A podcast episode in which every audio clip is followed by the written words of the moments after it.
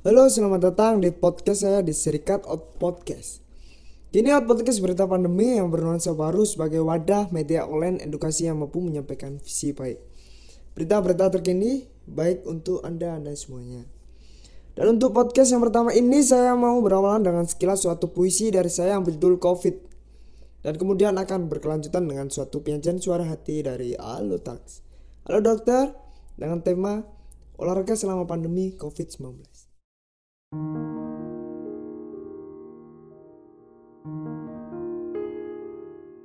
COVID-19 Semua bermula dari Wuhan di mana penyebaran yang tidak tahu arah ke mana tanpa haluan. Melampaui segala batas kemajuan anak-anak berpendidikan. Memaparkan segala materi tanpa ampun. Di desa menyebar dari tempat perkotaan. Dan sebaliknya perkotaan menyebar di suatu pedesaan di desa merupakan suatu kota keramaian. Dan kota pun yang diawali tempat permainan. Melanda di berbagai desa. Tempat yang semula untuk hiburan. Hari-hari yang penuh dengan kekhawatiran.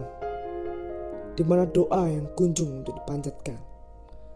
Belajar berdoa dan bekerja sudah akan dirumahkan tinggal menunggu nasib baik yang penuh harapan Tuhan, berilah para ahli dari sebuah kemampuan untuk menemukan sebuah pencarian obat atau vaksin.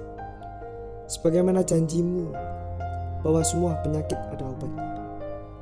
Agar anak-anak berpendidikan dapat belajar tanpa rasa kekhawatiran untuk bergembira.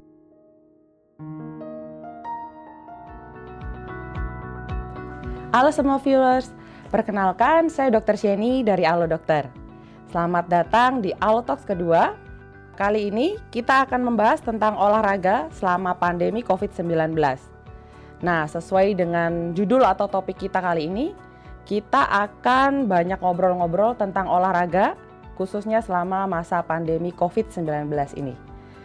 Ngomong-ngomong soal pandemi, tentunya banyak perubahan yang kita alami. Pada berasa nggak nih kalau banyak yang berubah? Apalagi selama PSBB yang sudah berlangsung kemarin, itu kita kebanyakan benar-benar harus di rumah saja. Mau ngapa-ngapain juga kadang jadi bingung ya. Orang kita dimintanya di rumah.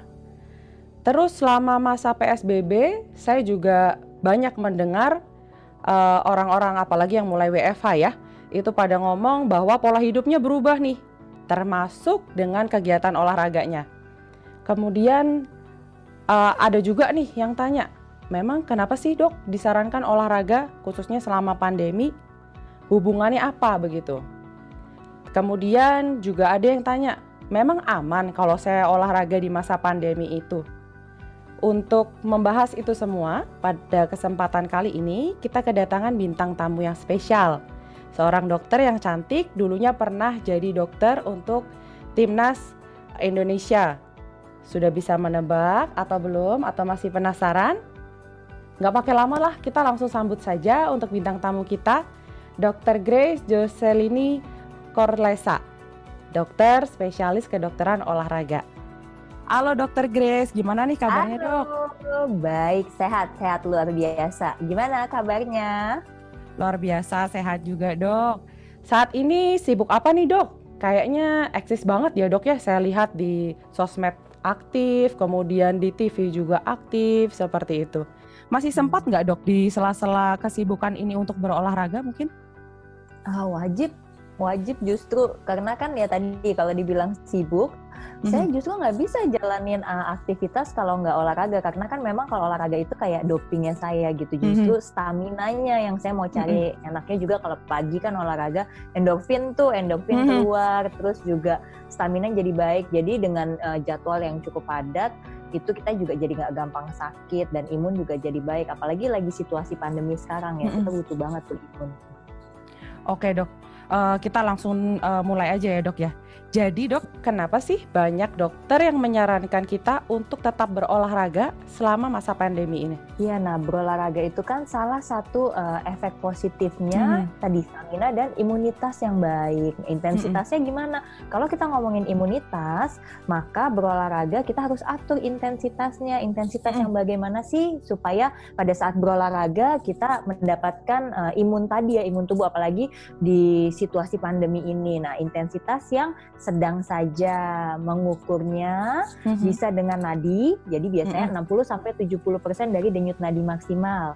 Denyut nadi maksimal itu 220 dikurangi usia. Mm-hmm. Atau yang nggak punya alat monitor boleh pakai yang namanya talk test. Jadi ya. talk test itu intensitas sedang, kita masih bisa ngobrol pada saat mm -hmm. melakukan olahraga, tapi udah nggak bisa nyanyi.